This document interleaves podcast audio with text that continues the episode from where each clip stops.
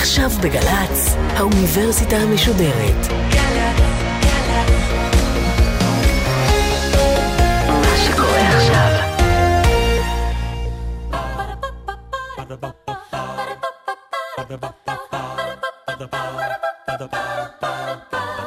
האוניברסיטה המשודרת מציגה מסע סביב רעיון, והסמסטר העיר. והפעם הפרופסור נמרוד לוז, ראש החוג לסוציולוגיה ואנתרופולוגיה במכללה האקדמית גליל מערבי, על מהפכת האיור השנייה, לידתה של העיר המודרנית. עורכת ראשית, מאיה גאייר.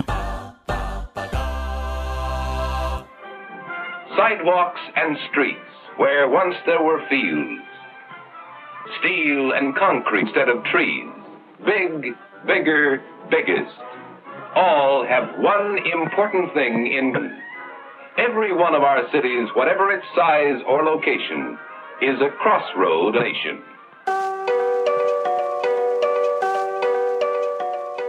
שלום, שמי נמרוד לוז, ואני עושה כבר שנים בסוגיות הקשורות בעיר כמוקד שמפגיש בין פוליטיקה, כלכלה, חברה, תרבות, וכפי שאנסה להבהיר בהרצאה הקרובה, כזירה המרכזית של פעילות אנושית בעת המודרנית.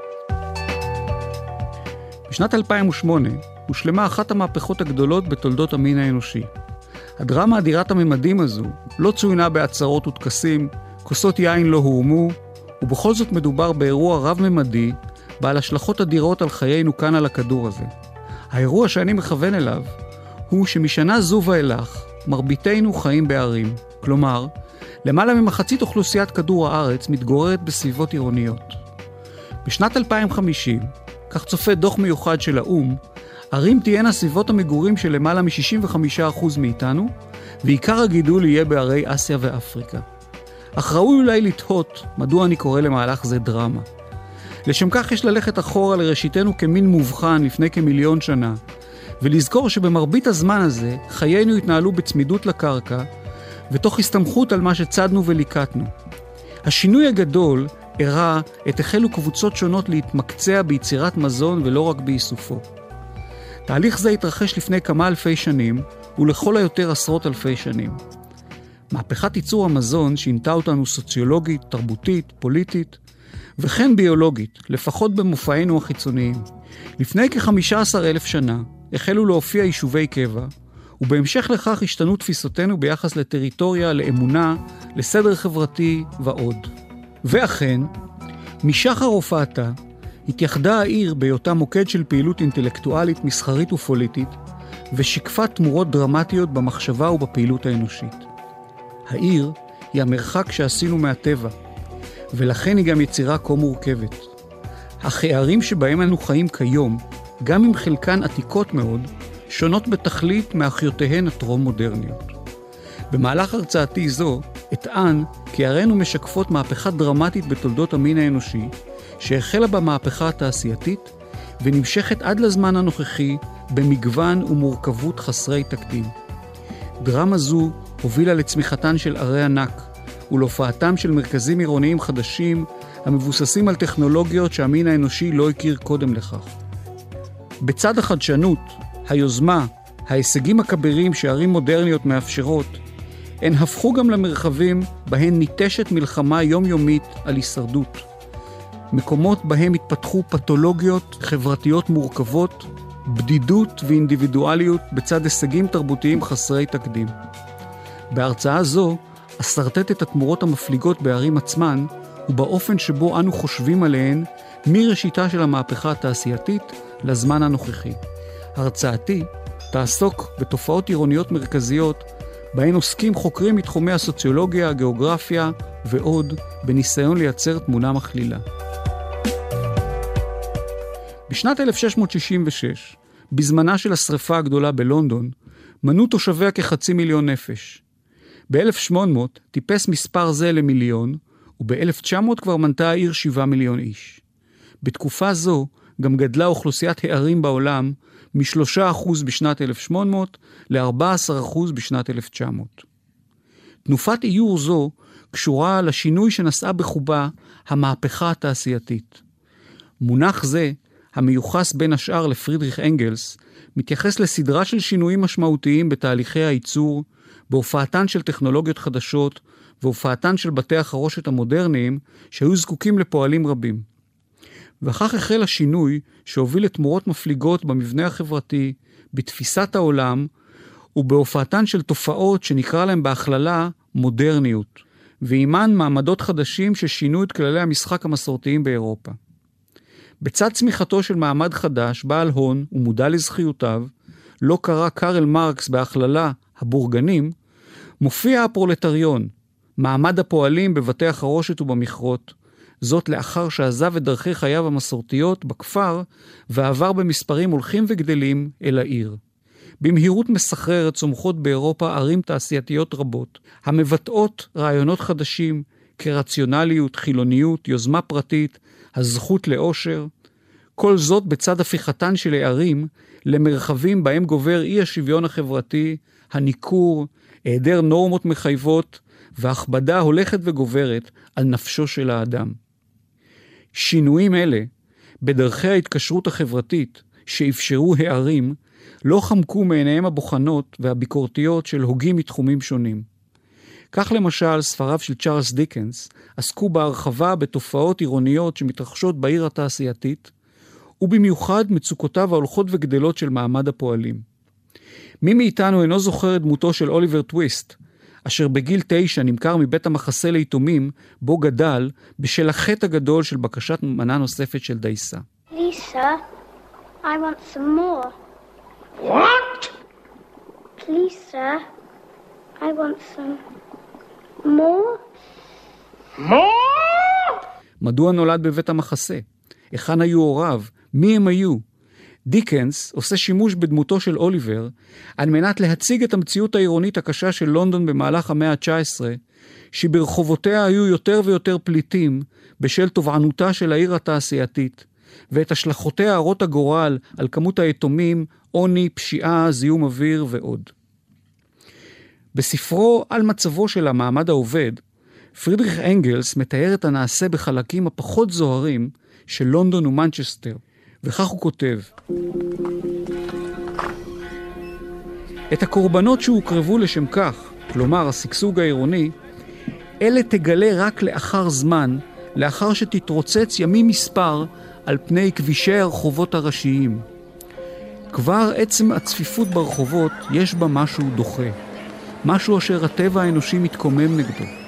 מאות האלפים הללו, בני כל המעמדות וכל השכבות הנדחקים כאן, איש אל רעהו, כלום אין הם כולם בני אדם, אשר להם אותם הסגולות והכישרונות, ואותה השאיפה לזכות בחיי עושר? בעיקר רואים האנשים איש את רעהו כסובייקטים בני שימוש. כל אחד מנצל את זולתו, וממילא נמצא שהחזק רומס ברגליו את החלש, וקומץ החזקים נוטלים לעצמם הכל, בעוד שהמון החלשים, העניים, אך מחיים בעמל את נפשם. אנגלס אינו לבד, וצמיחתה של הסוציולוגיה העירונית המתפתחת בתקופה זו, הייתה גם היא בסימן של הסתייגות, חשש ופחד מהכוחות החדשים שהעיר משחררת. אנסה להלן לסכם את מאפייניה של העיר החדשה שהתפתחה במהלך המאה ה-19.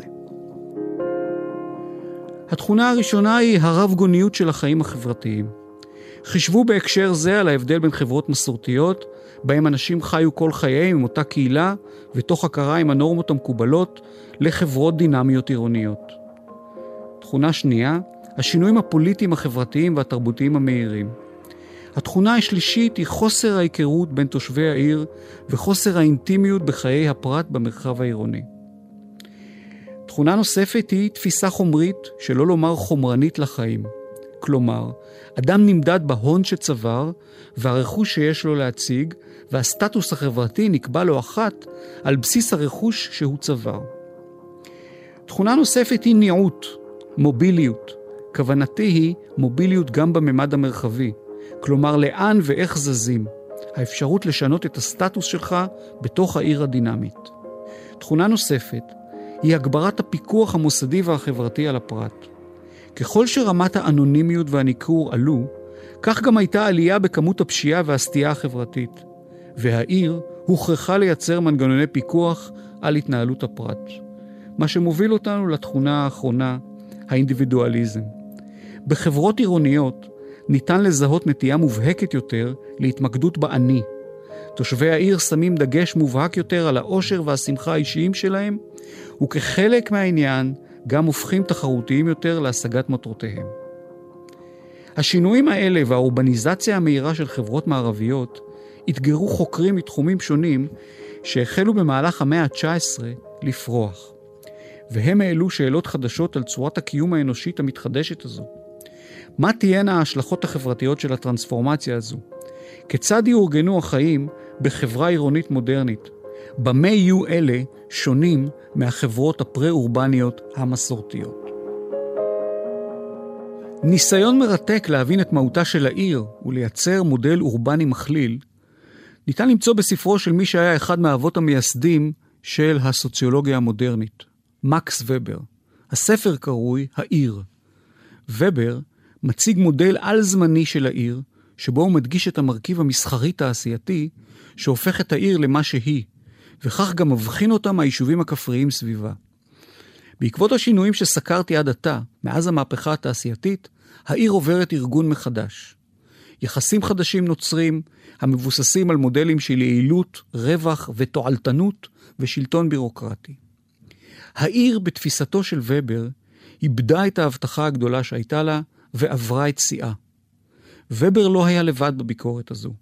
וכבר במהלך המאה ה-19 היו מי שניסו להציע דרכים אחרות לפיתוח מרחבים עירוניים כתגובה למגמות התיעוש, צפיפות, איכות החיים הירודה ומפגעי הרעש שאפיינו את הערים המודרניות שהושפעו מהמהפכה התעשייתית.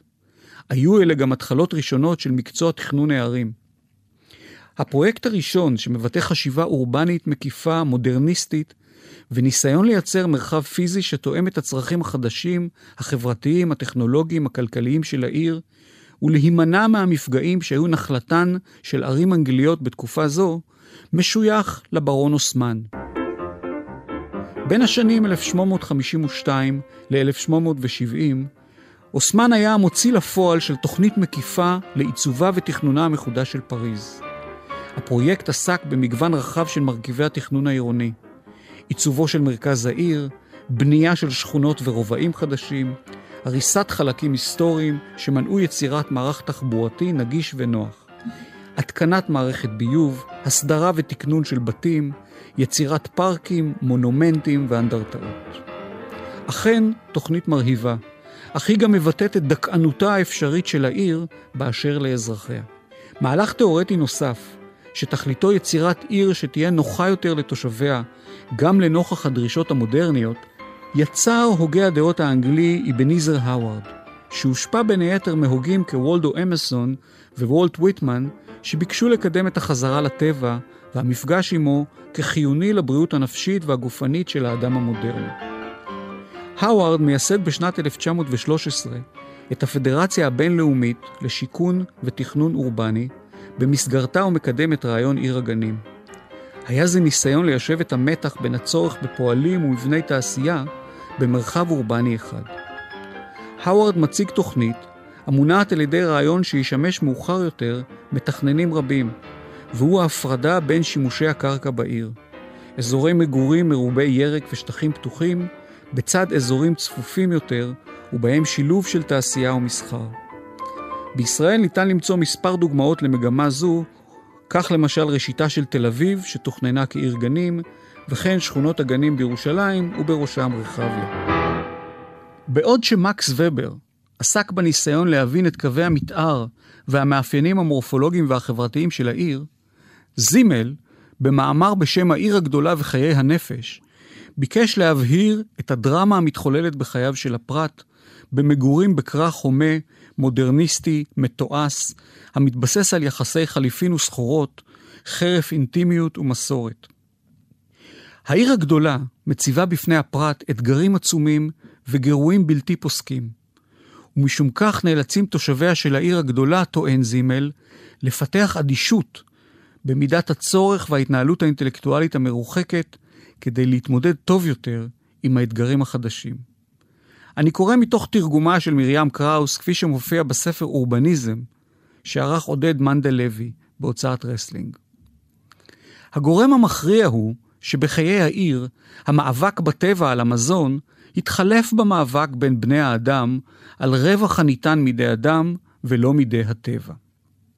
כך זימל סובר שכלכלת הכסף העירונית הופכת אותנו אדישים לאחינו בני האדם ומחליפה אינטימיות רגשית בשיקולים קרים ורציונליים. הוא אינו לבד בביקורת זו על התפתחותה של העיר המודרנית, ושותפים לו הוגים נוספים מאסכולת שיקגו. אסכולה זו, שהשפיעה השפעה מכרעת על התכנון העירוני בארצות הברית ומשם בעולם כולו, מזוהה יותר מכל עם דמותו של רוברט פארק. פארק היה עיתונאי בהכשרתו, אשר בגיל מבוגר יחסית החל לפעול כסוציולוג. הוא היה מקימו של אחד מבתי הספר המשפיעים ביותר על התפתחותו של מחקר העיר ועל התפתחותה של הסוציולוגיה העירונית, שתיוודע לימים כאמור בשם אסכולת שיקגו. פארק היה מהראשונים להבין שהעיר הופכת להיות מרכז ההוויה האנושית, והתמורות הרבות שמתרחשות בה מחייבות התבוננות וחקירה אינטנסיביים. הוא מציע תיאוריה מסודרת ודיון שיטתי באופני חקירת העיר, כפי שהוא קרא לכך.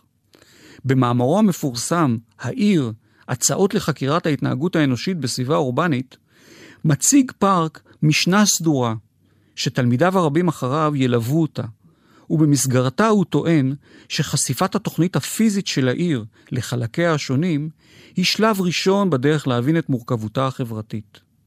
מעבר למימד הפיזי, הוא תובע מאיתנו להבין את הקשר בינה לבין הארגונים החברתיים, מבנה הכלכלה, מעמדות ותעסוקה בעיר. הוא מדגיש את מקומו של הפיקוח החברתי על היחיד דרך המוסדות השונים כמו המשפחה, בית הספר, הממסד הדתי, בתי המשפט, מוסדות עירוניים נוספים. בהמשך לדיונו בפיקוח החברתי בעיר, הוא מדגיש היבטים של פשיעה ממוסדת ולא ממוסדת כגורמים משפיעים ומעצבים של המרחב העירוני. בהקשר זה ראוי להזכיר למשל את פרויקט הולילנד והחריגות שאושרו בו, שפגעו באופן בלתי הפיך בקו הרקיע העירוני של ירושלים ובמרקם היחסים החברתי והעירוני שהתהווה בעקבות מהלך זה. חוקר נוסף הראוי להזכיר, שגם הוא פעל במסגרת חממה יצירתית זו של בית הספר של שיקגו, הוא לואיס וירט. הוא מציג משנה תאורטית מרתקת, לפי האורבניות, כלומר אורח החיים האופייני לעיר, ניתנת לבחינה וחקירה בשלוש נקודות מבט. מבנה פיזי המתפתח על בסיס כמות אוכלוסייה, טכנולוגיה וסדר אקולוגי. העיר היא לא רק שיטה של ארגון חברתי המכילה גם מוסדות חברתיים מסוימים, אלא היא גם מרחב בו מיוצגות עמדות, דעות, תפיסות ומכלול של פרטים וקבוצות שמתנהלים ביניהם בעזרת קודים תרבותיים פוליטיים מסוימים ומנגנוני פיקוח חברתי. ואכן, וירט הצליח להמשיג היטב את המורכבות של העיר המודרנית, בה אנו מצויים בחיכוכים מתמידים, במפגשים מקצועיים, חברתיים וכלכליים, במגעים אינטנסיביים בין קבוצות שונות, והתמודדות עם תופעות המגרות את חושינו עד לקצה. מעל הכל, הצליח להגדיר היטב כי בעידן המודרני, המין האנושי נכנס לשלב חדש, בו האורבניות היא דרך החיים המרכזית. הדיון המחקרי שעסקתי פה עד עתה היה תיאור התמורות המרכזיות בעיר לאחר המהפכה התעשייתית, והניסיונות המחקריים להבין תופעות אלה על ידי הוגים אורבניים משפיעים. תמורות אלה אינן מתבטאות רק בשינוי המבנה המרחבי שלהן או בהפיכתן לערי ענק, אלא גם בהיותן ישויות גדולות ומורכבות חברתית, מונעות על ידי כסף ושלל תופעות חדשות שנלוו לכך. ואם המאה ה-19 עמדה בסימן השפעתם של המיכון והתיעוש על התפתחותן של ערים, אז במהלך המאה ה-20 ניתן לזהות שני מרכיבים נוספים שישפיעו באופן מהותי על עיצובן של ערינו ועל הדינמיקות המורפולוגיות והסוציולוגיות שלהן.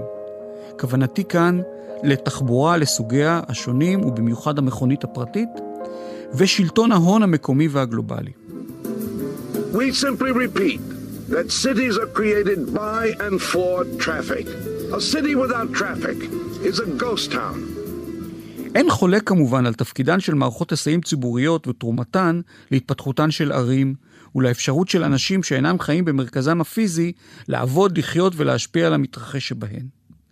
אך הגורם המרכזי שעיצב את דמותן של ערים מודרניות במאה ה-20, הייתה המכונית הפרטית, והפיכתה לאמצעי התחבורה המרכזי, שאפשר לאוכלוסייה בעלת יכולת להתרחק ממרכזי הערים המלוכלכים, הסוענים, מרובי הפשע ויתר המורכבויות החברתיות, אל החזון החדש לחיים אורבניים בורגניים, הוא הפרבר. תופעת הפרבור הייתה ביטוי נאמן למערכת היחסים המורכבת בין מרחבים עירוניים לטכנולוגיה ולפערים הסוציו-אקונומיים המפליגים שאושרן של ערים אפשר בין סטטוסים חברתיים שונים. התוצאה הייתה פרבור העיר ויצירת מרחב עירוני לעתים בלתי רציף, אך גם בלתי נגמר. לתופעה זו קראה אחת המתבוננות הביקורתיות ביותר בעיר, החוקרת והאקטיביסטית ג'יין ג'ייקובס, דייסה חדגונית ובלתי מזינה. בספרה המהפכני, מותן וחייהן של ערים אמריקאיות גדולות, שוטחת ג'ייקובס את משנתה, לפי הראשית יש להכיר בכך שערי אמריקה גוססות ומאבדות את חיותן ותעוזתן משכבר, ושנית, מה שיחיה את העיר הוא שינוי המגמה התכנונית. היא טוענת שהתכנון המודרני עיקר את הערים מהיותן מקום מפגש פורה ומפרה בין בני אדם, המאפשר פריחה תרבותית, כלכלית ובוודאי אישית. וכך היא כותבת: לעתים קרובות נוח להאשים את המכונית בתחלואי העיר ובחוסר ההצלחה המאכזב של תכנון הערים. אולם ההשפעתה ההרסנית של המכונית היא תסמין יותר משהיא סיבה לאי כשירותנו לבנות את העיר. ג'ייקובס מציעה חזון אחר לעיר, שמכיל את תושביה ומאפשר להם עירוב עיסוקים, אינטימיות בתוך הניכור ומרחבים אנושיים שיאפשרו להם חיי משפחה וקהילה מוגנים. Thinking what can you do here to keep these people here and to make them feel that they're valued. So you have to pay attention to what the people in the neighborhood want. One thing they want is they don't want to live in an undignified place. Tree planting, traffic taming, putting in markets at the right time. That's one thing that would be meaningful and hopeful for the future. רעיונות אלה, כמו גם התפיסה של אנרי לפבר, המציג את הזכות לעיר והעיר של כולם כעקרונות מכוננים, מתורגמים היום למחשבות אורבניות חדשות, הקרויות לעתים אורבניזם חדש או החייאה עירונית, ויש עוד שמות. העיקרון המרכזי דומה, והוא פיתוחן של ערים על מנת לשרת את האדם החי בהם, ולא כוחות שונים שעושים בה שימוש בעיקר למקסום ההון או לשליטה פוליטית ויצירת ריבוד והיררכיה חברתית. התהליכים הגלובליים, שעיקרם ניעות של כוח אדם, הון גלובלי ומעבר רעיונות וטכנולוגיות מהיר, היו בעלי השפעה מכרעת על ערי העולם, וכאן נחלקים החוקרים בין מי שרואה בכך ברכה, למי שמציג את ההשלכות השליליות על העיר והחיים בתוכה. המתבונן הביקורתי והרהוט ביותר בסוגיות אלה הוא דיוויד הרווי, שהשפעתו על התפתחות המחקר האורבני בשלהי המאה ה-20 ולתוך המאה ה-21 הייתה מכרעת. הרווי מראה היטב כיצד בעידן הקפיטליסטי, הניאו-ליברלי, בו אנו מצויים, ערים ואורבניזציה מואצת היו מרחבי המשחק של מהלכים לצבירת הון, שהובילו בסופו של דבר להתעשרותם של העשירים במיוחד, וצבירת ההון אצל קבוצה קטנה והולכת של אנשים בצד נישול, דיכוי והגברת מצבם הכלכלי הבעייתי ממילא של תושבי ערים רבות ברחבי העולם. לעתים הסתיימו מהלכים אלה במהפכות חברתיות והפגנות, כמו בארצות הברית לאחר רצח מרטין לותר קינג, אך על פי רוב, המהלכים האלה, שהשפעתם הולכת וגוברת על חיינו, אינם נעצרים על ידי התנגדות אזרחית.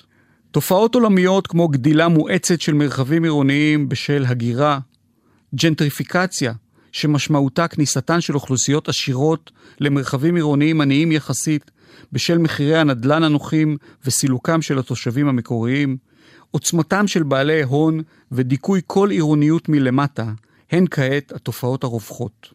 When Michael Bloomberg was addressed with the following question, how is it that, that so many people cannot afford to live here? I mean, not everybody's a billionaire. And his answer was if they can't afford to live here, they're the kind of people we don't want. The result, of course, of this housing policy is we have 60,000 homeless people in New York City alone. 60,000. Well, the right to the city is about those 60,000 plus everybody who hasn't got a decent house in a decent living environment to get together and say, we want to change this city. הרווי סבור שהתהליך האורבני הוא גלובלי בהיקפו ודכאני מאוד, ולכן ניתן לראות סימני התנגדות בכל מקום. אי שקט בערי סין והודו, מלחמות אזרחיות בתוך ערי דרום אמריקה ואפריקה ועוד. לפי שעה, אין כוח חברתי מאורגן דיו שמצליח לעצור את שלטון הכסף ודורסנותו, ומדינות הלאום משרתות על פי רוב את ההון הגלובלי ואינן מגינות על תושבי העיר מפניו. היטיבה לנסח זאת אלנה פרנטה בכרך השלישי של סדרת ספריה, החברה הגאונה. השמש של יום החורף היפה שיוותה לדברים חזות ושלווה. השכונה הישנה, להבדיל מאיתנו, נותרה כשהייתה. החזיקו מעמד הבתים הנמוכים והאפורים, חצר המשחקים שלנו, הכביש הראשי, הפיות הכהים של המנהרה, האלימות. ולעומת זאת, השתנה הנוף מסביב. המשטח הירקרק של הבריכות כבר לא היה. מפעל השימורים הישן התפוגג, במקומם היה הבוהק של גורדי השחקים בזכוכית, שפעם היו סימן לעתיד מזהיר, אשר איש כבר לא האמין בו היום.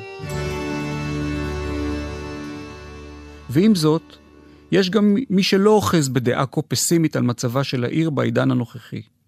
כך למשל בחיבורו ניצחון העיר, מציג הכלכלן אדוארד גלייזר את התפיסה הרואה בעיר את הזירה האופטימלית ביותר לעתיד המין האנושי. Cities play to mankind's, to humankind's greatest asset. which is our ability to learn from people around us. We come out of the womb with this remarkable ability to learn from our parents, from our peers, from our siblings. Cities make that happen. Cities are the absence of space between people, their proximity, their density, their closeness. Cities are machines for learning. ולסיכום אומר, כי אין בנמצא היום תופעה חברתית, מרחבית, כלכלית, ובוודאי פוליטית משמעותית יותר, מגידולן הדרמטי של ערינו. מערי הענק של העולם השלישי למרחבים הבלתי נגמרים של ערי אמריקה והסתערותן המרחבית. הבעיות המרכזיות שאנו מתמודדים עמן קשורות לערים. לא ניתן להתעלם מהעובדה שערינו הן יותר ויותר אי שוויוניות, צפופות ומורכבות. אורבניזציה המונעת על ידי כוחות ניאו-ליברליים העצימה את התהליכים האלה. ובנוסף להן, מגמות של חדירה הולכת וגוברת של הדת למרחב העירוני, פופוליזם שלטוני, תיירות עולמית ועוד. כל אלה מעלים מחדש את השאלה של מי העיר ועבור מי היא מנוהלת. האם המוני התיירים המגיעים לפריז רשאים לתבוע תשתיות שתספקנה אותם, או שהיא עדיין שייכת בראש ובראשונה לתושביה? למי שייך המרחב העירוני? למבקרים, לבעלי ההון או לתושבי השכונות העניות? סוגיות אלה הופכות להיות מרכזיות יותר בדיון האורבני הנוכחי, ומן הסתם תהוונה מרחבים של מחלוקת בין מומחים, אנשי מעשה ותושבי העיר עוד זמן רב קדימה. ודומני שאין מילות סיום טובות יותר להבין את המורכבות של התופעה שניסיתי להציג בהרצאה זו, מאלו של הפילוסוף האיטלקי מסימו קצ'יארי, ששימש גם כראש עיריית ונציה לפני כעשור. קצ'יארי טוען שהעיר איננה קיימת כשלעצמה, אלא בצורות ודרכים שונות ורב גוניות של החיים האורבניים. כאחרים, הוא סובר שלא ניתן להגיע להבנה מלאה והגדרה אוניברסלית לתופעה העירונית. בעוד שבפוליס היוונית המרחב היה זה שהגדיר את מעמדם של האנשים שחיו בה והפכו להיות אנשי העיר, אז המונח הלטיני קיביטס, עיר בתרגום לימינו, נובע מקבוצה של אנשים שחברו יחדיו כדי לייצר את העיר על בסיס נורמות ואידאות המשותפים להם. הבעיה של העיר בזמן הנוכחי, טוען קצ'יארי, היא מתח המתחדש בין שתי אידאות אלה, ונעוצה בעובדה שהעיר צומחת בקונפליקט בין השורשיות והמקומיות של הפוליס לבין החוזה האידיאולוגי והגמישות של הקיביטס. העיר בת זמננו משתנה תדירות על בסיס מאבקים אלה בין אידאות וכוחות שונים, לעתים מנוגדים. בסופו של יום, היכולת להחזיק את התפיסות המתחרות האלה בקונפליקט דינמי ומתמשך, היא שמעצבת את מהותה של העיר המודרנית.